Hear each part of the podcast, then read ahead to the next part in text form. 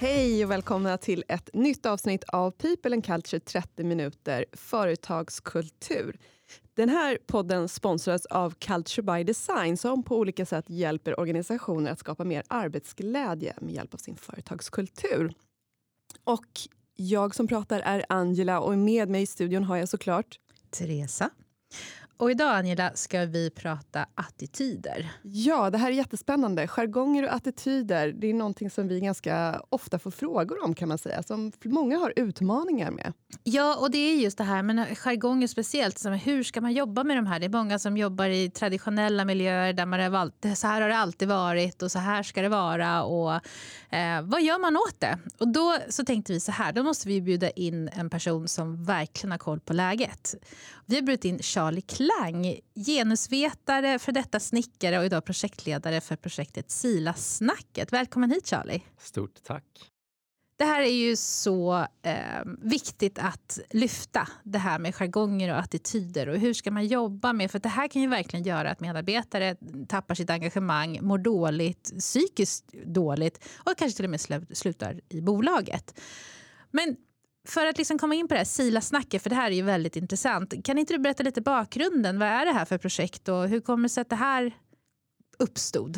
Eh, jo, absolut. Eh, Sila-snacket är ju i korta drag ett initiativ eh, som eh, försöker uppmärksamma oss om hur språket vi använder i vardagen eh, och hur, hur vi pratar med varandra påverkar, även påverkar vårt välmående.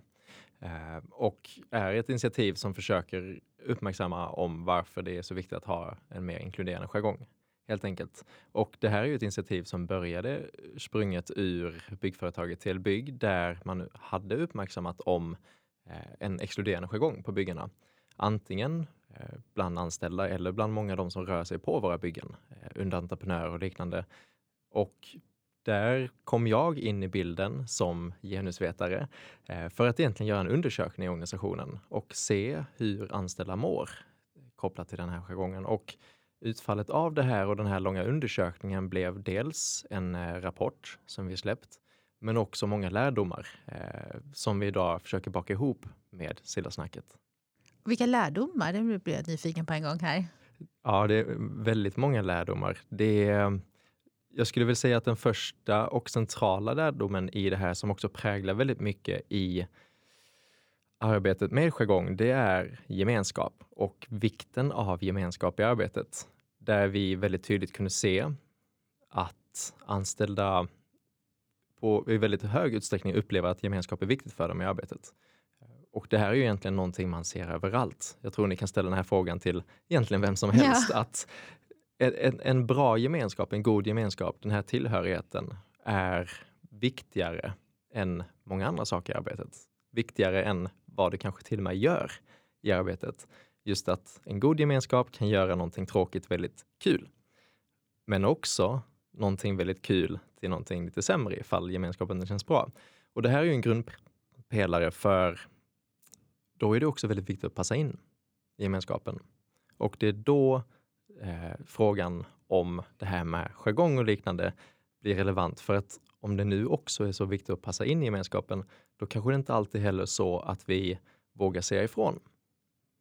När vi känner för att stå upp för våra egna värderingar.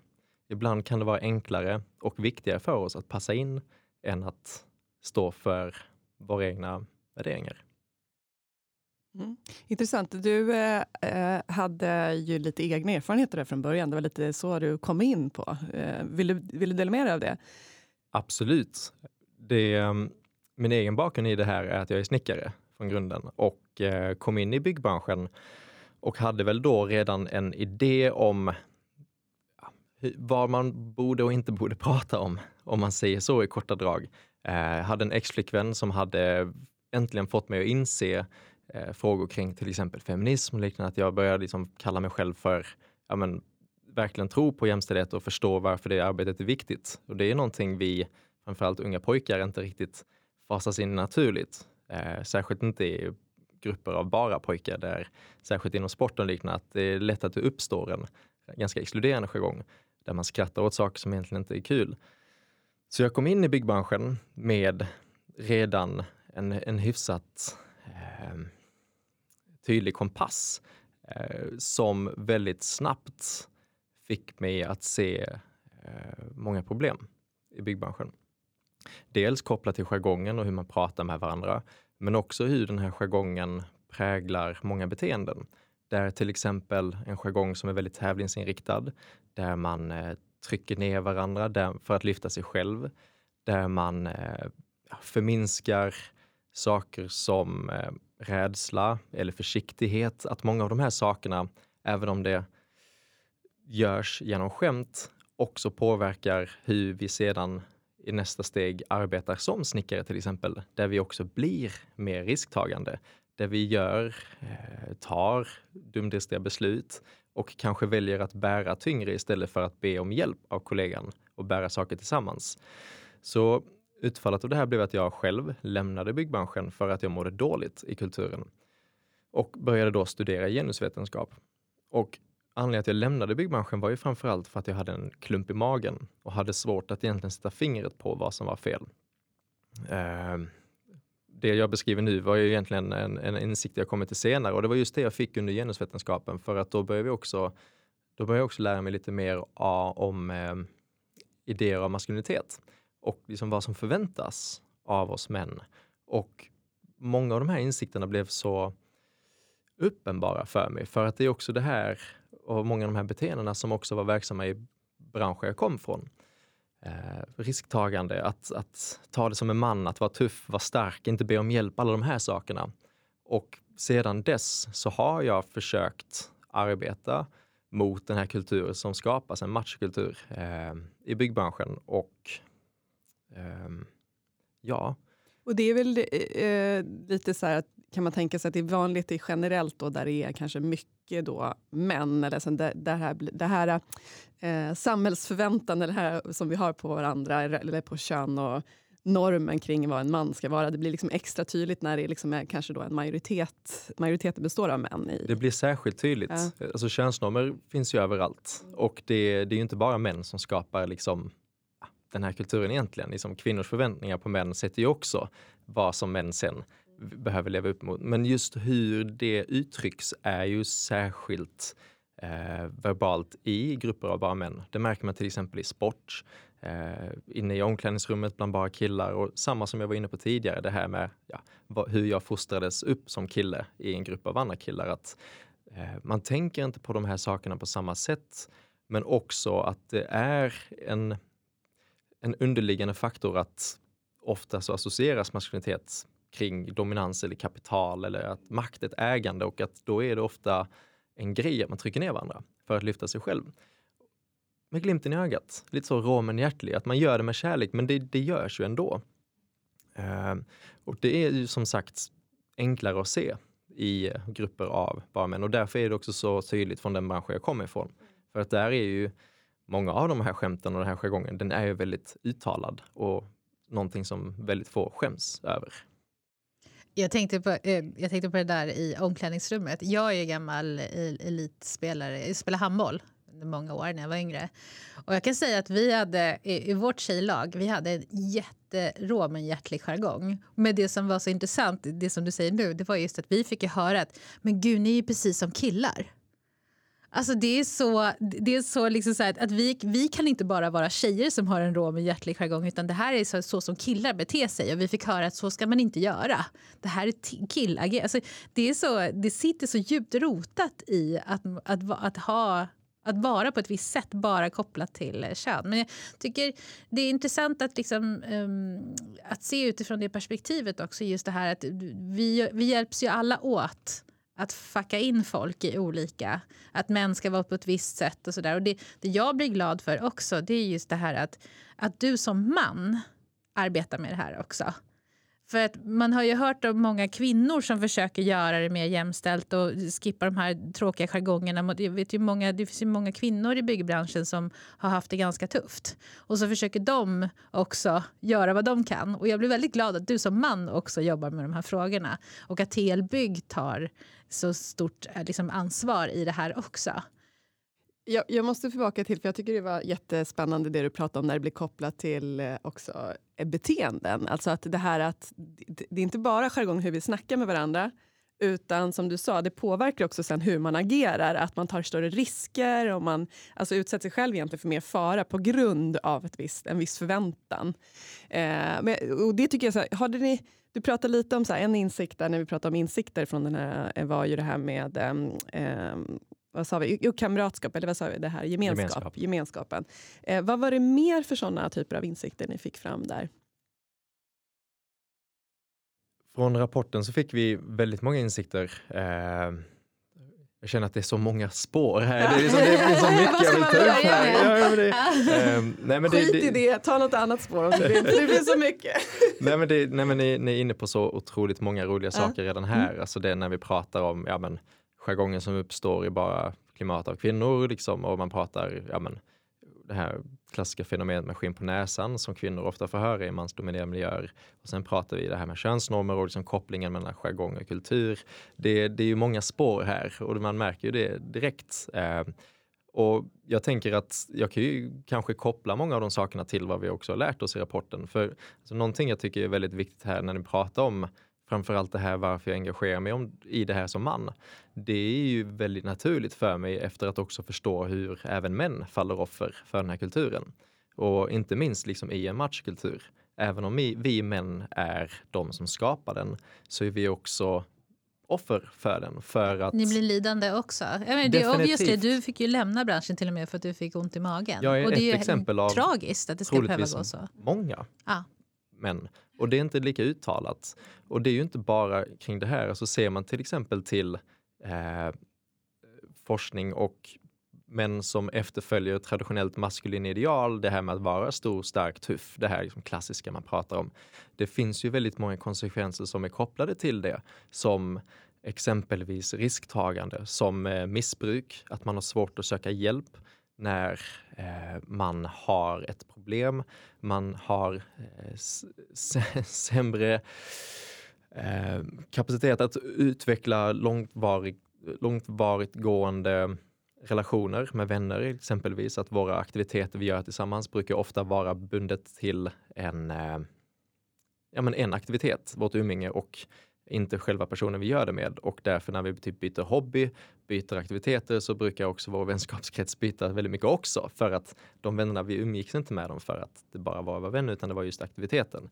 Och eh, det finns, finns många saker kring det här. Ser man exempelvis också till eh, statistik kring självmord, eh, självskadebeteende så är ju män också överrepresenterade. Och där är också en tydlig koppling för att många av de här sakerna kan ju kännas väldigt abstrakta. Men det finns ju en väldigt tydlig koppling mellan just det där och jargongen som förekommer i många mansdominerade miljöer. För vad som händer här är ju också samma sak, att man trycker ner på det här med försiktighet, svaghet och allt det som egentligen är väldigt gynnsamt att också kunna vara. Att man behöver inte bara vara den här arketypen av en riktig man, utan det är mycket viktigare att bygga ut, liksom nyansera vad det innebär att vara man. Um, och därför är det väldigt naturligt för mig att engagera mig i det här som man. För att någonstans så känns det som att den retoriken och när jag pratar med andra män är lättare att greppa. Och också tror jag är en framgångsfaktor i mitt arbete för att många kan ju känna sig attackerade när man pratar om ja, till exempel matchkultur. Att direkt så sätter man alla liksom i ett fack om att ni är förövare. Men alla män upplever ju inte sig som förövare. Och det är ju såklart liksom en, ja, en trappa nästan av hur bidragande man är. Men en del i det här är ju trots allt ändå att vi alla män, inklusive jag själv, på något sätt är delaktiga i det. Det här är liksom särskilt eh, och där har jag en egen historia där, när jag jobbade som eh, eh, jag höll på att göra balkonginglasningar jag är som ni hör från Skåne eh, och hade då som praktikant en tjänst i Stockholm där jag pendlade upp och ner. Och då hamnade jag med en kollega som var väldigt, han hade en väldigt tuff jargong. Och den ja, tryckte ner på allt det här vi har pratat om med svaghet och försiktighet och även skydd. Eh, och han var också väldigt så objektifierande gentemot kvinnor. När vi satt i bilen och åkte förbi så kunde han kommentera på deras kroppar och liknande. Att, eh, jag märkte väldigt tidigt att det här var en person som hade den här typen av jargong. Och den här personen hamnar jag också sen i ett arbetsmoment där vi märkligt nog skulle åka ner till Småland och hänga balkongräcken på ett nyby eh, nybygge. Och har man inte varit på eh, en balkong utan räcken tidigare så kan det ju vara rätt läskigt och ja, uppenbarligen så är, det finns ju inget där. Du kommer ut till en betongplatta på sjätte våningen och det är ju väldigt högt, såklart väldigt läskigt. Um, och där skulle vi då luta oss över den här kanten för att göra inborrningar på sidan för att då kunna fästa balkongräcket. Och i det här momentet har man ju såklart eh, fallskyddssele som man kopplar fast sig och det hade vi med oss också. Problemet bara var, var bara att vi inte hade någonstans att fästa det. Och då fick min kollega den här briljanta idén av att vi tar en träregel som är bara precis bredare än själva dörröppningen. Och så sätter vi den där innanför balkongdörren då och fäster våra skyddsselar i den. Och jag inser ju direkt... Oh, jag, jag får typ svindel här och blir så här... ja, det, det är jobbigt att återberätta Väldigt det. obehagligt. Ja. Och, um, nej, så vi fäster oss i den här träregeln. Och jag förstår ju direkt, och han måste också förstått att det här skulle aldrig hålla ifall vi faktiskt föll över kanten. Men ändå så fäster vi oss där och kryper ut mot den här balkongkanten, lutar oss över och har de här stora borrarna och borrar in i sidan. Och det här är liksom ett moment där jag riskerade inte bara mitt eget liv men också min kollegas liv. Bara för att jag inte vågar verka vara mindre, mindre manlig inför honom. Och det här har ju såklart präglats av hur han betedde sig tidigare. För att det var så viktigt för att jag skulle passa in där, för att jag skulle kunna bli en del av det här företaget och liknande. Han hade ju satt den standarden. Och det är ju väldigt svårt att motsätta sig för. Och det, är ju, det här är ju liksom ett konkret exempel på hur jargongen i sig kan prägla kulturen där folk också är risktagande och gör dumdristiga beslut. Helt enkelt. Och att det är det där, det, är nästan, det blir den här subtila, det är, liksom, det är som att du har indoktrinerats med det här under en längre tid och sen då när det verkligen handlar om en livsfarlig situation att du tar beslut som är grundade på att det här grupp, det här flock eh, som vi är, den gemenskapen, du vill inte sticka ut, du vill ju vara en del av det här. Ja, eh, fruktansvärt och bra exempel. Och det här är ju också en person som några dagar senare när vi var på ett annat bygge skadade sig väldigt eh, kraftigt när vi skulle bära glasskivor. För att då hade han fått för sig att vi skulle bära dem en och en, även om det här är stora otympliga glasskivor som man sätter vid balkongglasningar. Eh, och de ska man ju givetvis bära två och två. Det är ju helt självklart, de är alldeles för tunga och otympliga. Men han hade en teknik och liksom en fast idé om att de här ska vi ta en och en. Men han skadade ju nacken väldigt brutalt i det momentet. Och det är ju det kan man tycka är rätt åt honom, men ser man ur ett större perspektiv, alltså det här kostar ju så enormt mycket pengar. Och det är så en, en, en så stor risk, en onödig risk. Och det är ju bara män som tar den här, de här riskerna. För att det är ju också, någonstans så fanns det ju också en vinst för honom. För att i hans bakhuvud så har han idén av att han får poäng de här machopoängen av att göra det här och därför så är han vinnaren av att göra, ta de här riskerna och utsätta sin kropp för ett arbetsmoment som han egentligen inte är menad för. Och det här är väldigt intressant, för ser man till exempel till byggbranschen, den är ju väldigt mansdominerad. Och mycket av arbetet som görs i byggbranschen är ju också, sätts ju efter mäns förmågor. Det vill säga liksom vad en man klarar av att bära och hur snabbt en man klarar av att arbeta.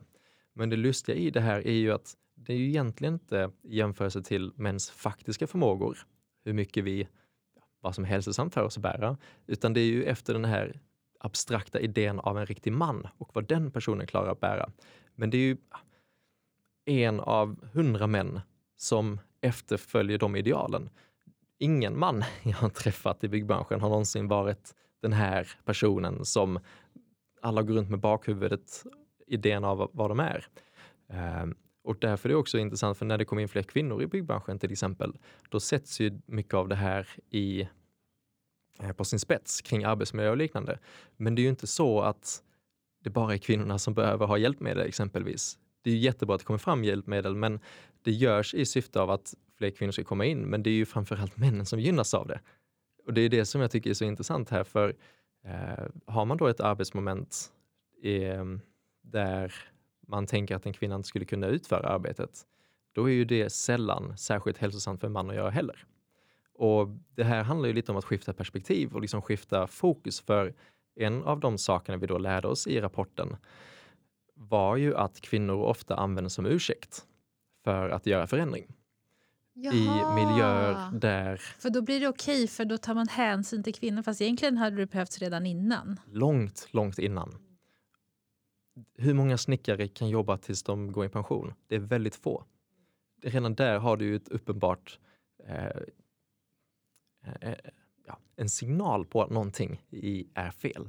Eh, så det här arbetet med en inkluderande arbetsmiljö eller att man bättrar arbetsmiljön, det görs ju i syfte för att fler kvinnor ska kunna komma in, men det har ju alltid behövts. Och det är ju, män gynnas av den exakt lika mycket.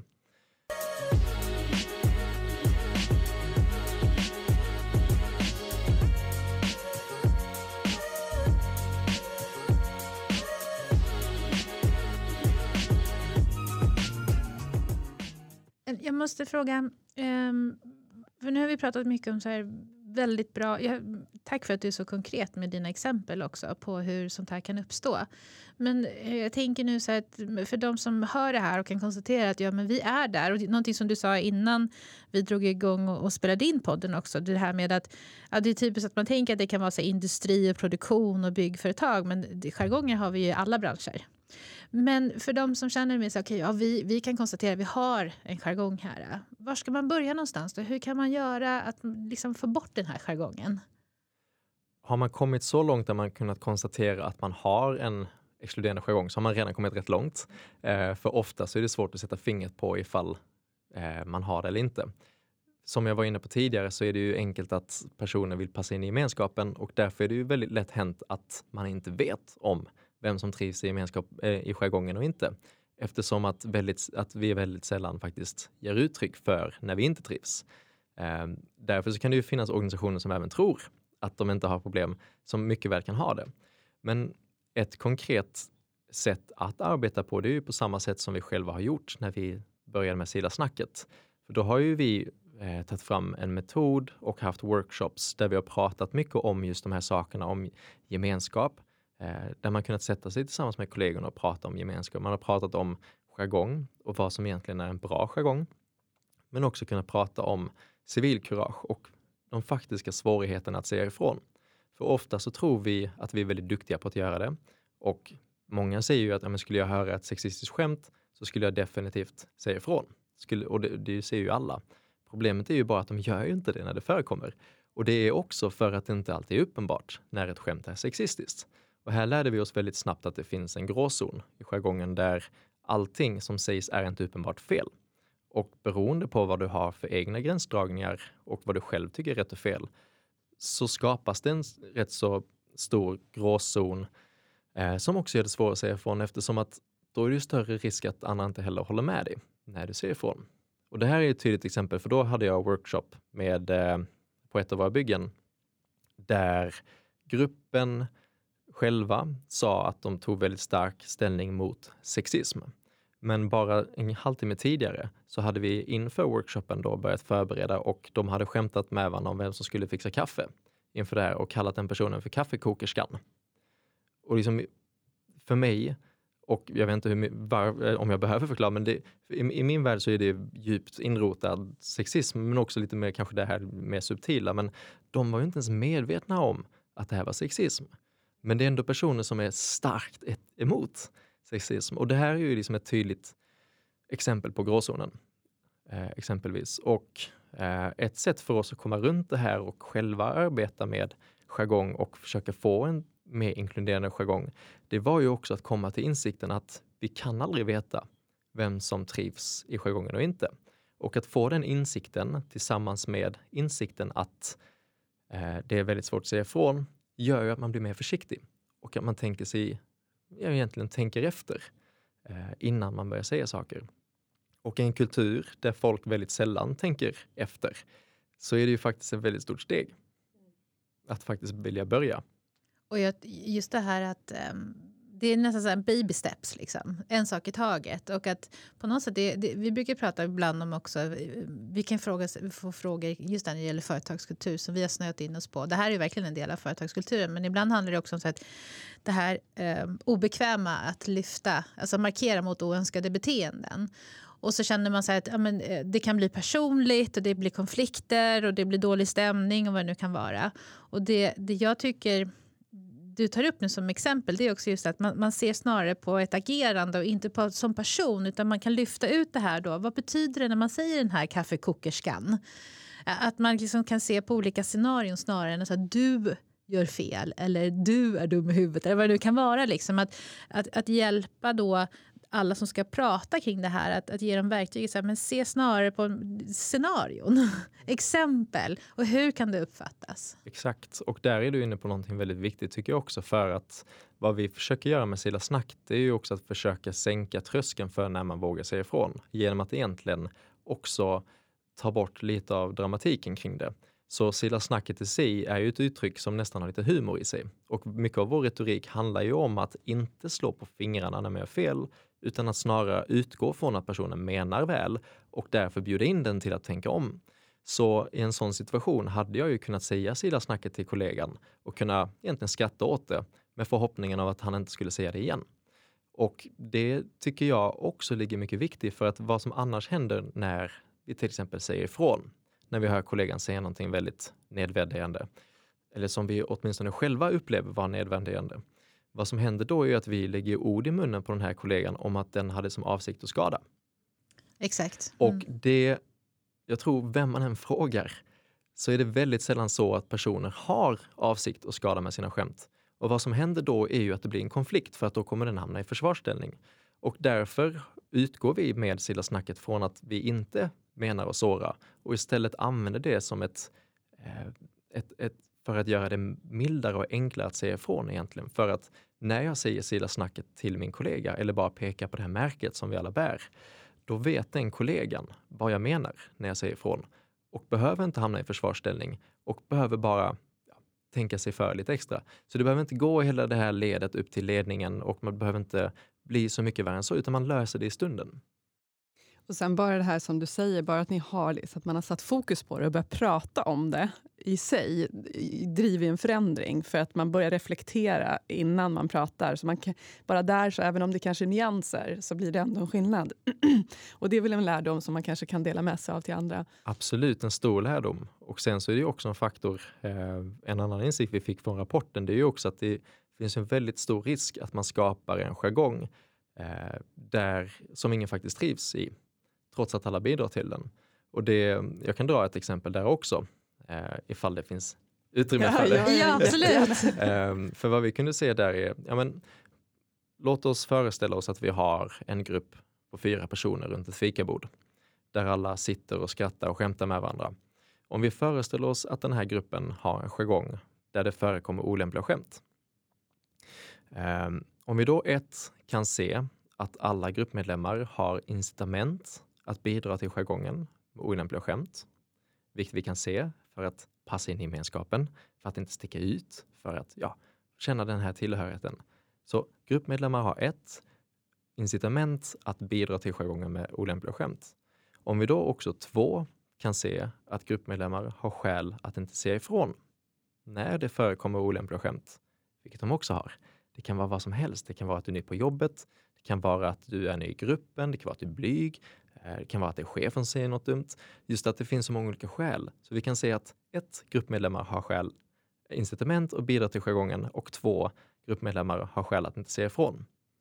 Om de två stämmer så finns det också en risk för att gruppmedlemmarna alla bidrar och skrattar till en jargong som faktiskt ingen av dem trivs i. Så varenda person i den här gruppen kan sitta och skratta och skämta med olämpliga skämt, men ingen av dem vill ha den. Och det här är liksom en ganska viktig insikt för att det visar ju också på hur, det här är som ni pratade om tidigare också, ja, men det sitter i väggarna. Eh, tradition, kultur, att det, det sätts verkligen på sin spets för det enda sättet att motverka det här scenariot. Och det här kallar vi då för illusionen av en önskad jargong där man, man tror att den är mer önskad än vad den egentligen är det finns egentligen två möjliga lösningar till det här. Lösning nummer ett skulle ju vara att alla gruppmedlemmar slutar att bidra till en jargong med olämpliga skämt och därför finns det inte längre en jargong med olämpliga skämt och illusionen är borta. Lösning nummer två skulle ju vara att varje gruppmedlem börjar säga ifrån när det förekommer olämpliga skämt. För då skulle ju resten av gruppen bli medvetna om att det inte är önskat. Och därmed försvinner illusionen också. Däremot så är ju inte det en garanti för att jargongen ändras. Eh, men skulle det fortsätta så kommer de här olämpliga skämten förekomma med vetskap av att alla inte trivs med det. Så illusionen är fortfarande i alla fall borta. Så en kombination av att tänka på vad du säger, var lite mer försiktig, men också säg ifrån oftare. Lyckas man uppnå det så kan man också skapa en kultur där fler vågar säga ifrån. Och har vi inte en kultur där alla vågar säga ifrån alltid, så kan vi inte heller någonsin utgå från att alla trivs. Så det är otroligt viktigt det här. Och det ligger mycket i jargongen. Alltså vilken eh, fantastisk inramning av det vi har pratat om tycker jag. Eh, och, och, det, går ju så, det ligger också så i tiden, jag tänker på hur mycket vi pratar om whistleblowing och hela den här eh, att, att skapa en kultur där man faktiskt vågar säga ifrån när man ser felaktigheter. Eh, små som stora, för som sagt de kan ha kraftig effekt. Det har vi inte minst hört dina exempel om här. Ja, och jag tycker att det var så, just det här initiativet att, att Sila snacket det är inte bara ett namn på ett projekt. Det är ju faktiskt att ha, använda sig av ett konkret verktyg. Att, som du säger, ni har till och med på er på kläderna står det Sila snacket och ni kan bara säga Sila snacket och så blir det snarare mer så här, tänk på att det kan uppfattas. Man ber kollegan reflektera snarare än att man går med liksom hela handen eller liksom pekar. Eh, så det tycker jag också var väldigt konkret och det kan ju andra företag göra. Att de kan bara helt enkelt hitta på någonting annat eller använda Sila-snacket också som uttryck. Men just det här att ha en gemensam nämna ett gemensamt ord eh, för det. Bara sånt underlättar ju. Och det är ju vår ambition, det är ju att med silasnacket, det vi gör nu och det jag arbetar med, det är att försöka etablera fler samarbeten. Vi vill ju att fler ska börja Sila-snacket. Eh, och det kan man ju göra med oss helt kostnadsfritt allt vi tar fram, allt material, våra workshopmetoder som vi har prövat och visat sig fungera, allt det finns liksom tillgängligt att ta del av gratis. Samma med våra posters, affischer, allt det här och att bära märket. Det, det kommer till inget pris alls mer än det företaget själv väljer att trycka upp. Däremot så kommer det med lite förväntningar. För att som ensam individ så är det klart du kan bära märket, för det blir ju ett ställningstagande. Men vill du som organisation bära märket och att dina anställda ska göra det, då kommer vi också förväntas oss, oss att varje enskild anställd som bär märket också informerar om vad det betyder och förstår vad som förväntas av henne.